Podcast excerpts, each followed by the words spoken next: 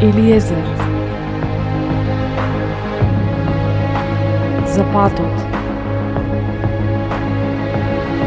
За вистината. За живот.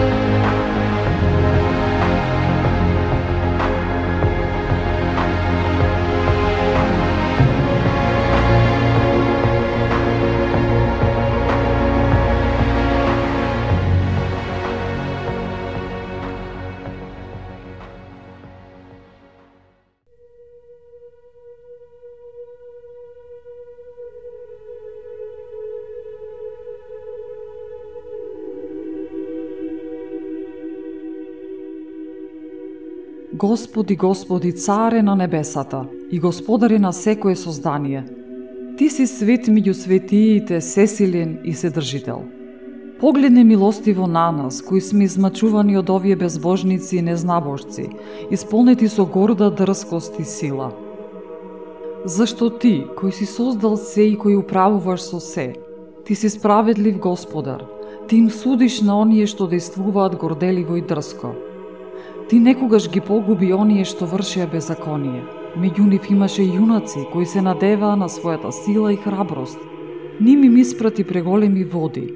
Ти ги изгоре со домците со огани со сулфур, нив, кои живеа горделиво и беа проучуени со своите порочни дела, покажувајќи им ги како пример на потомците. Ти го казни дрскиот фараон со многу тешки казни, зашто го беше поробил Израел, твојот свет народ, Ти му ја објави твојата власт ти му ја покажа твојата сила. И кога тој потрча по народот, ти го потопи во морските длабочини, него, неговите бојни коли и неговиот народ. И на оние што се надеваа во тебе, Господарот на секое создание, ти им помогна да преминат неповредени. Па кога ги видоа твоите дела, делата на твоите раце, те прославија тебе, Содржителот, Ти, царе, кој си ја создал оваа безгранична и неизмерлива земја, ти го избра овој народ и го освети ова место за Твоја слава. Ти, кој од ништо немаш потреба, го прослави со Твоето јавување и го направи да биде за слава на Твоето величенствено и многу почитувано име. Од љубов кон домот на Израел и Македонија, ти ни вети дека ако не снајде некакво зло, или ако бидеме од некого измачувани, па ако дојдеме на ова место и ти се помолиме дека ќе ја чуеш нашата молитва. Ти си верен и вистински, зашто многу пати, кога нашите предци беа во неволја, ти им помагаше кога тие страда и ги избавуваше од големи опасности.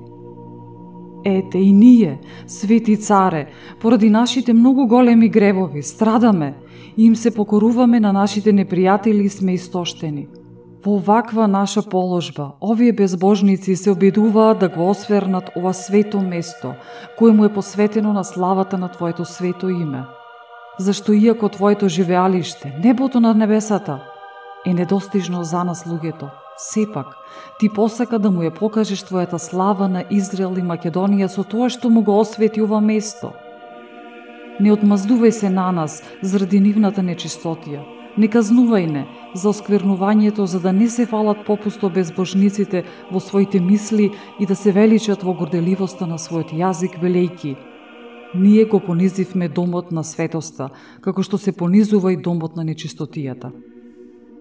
Простини ги нашите гревови, простини ги нашите престапи и покажи ни ја Твојата милост во овој час. Скоро нека дојде Твојата милост на нас, дај ни сила на нас паднатите – за да можеме да те прославуваме.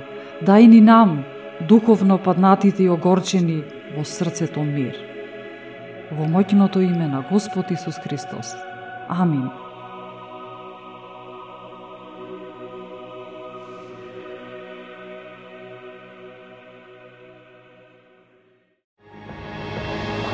Елиезер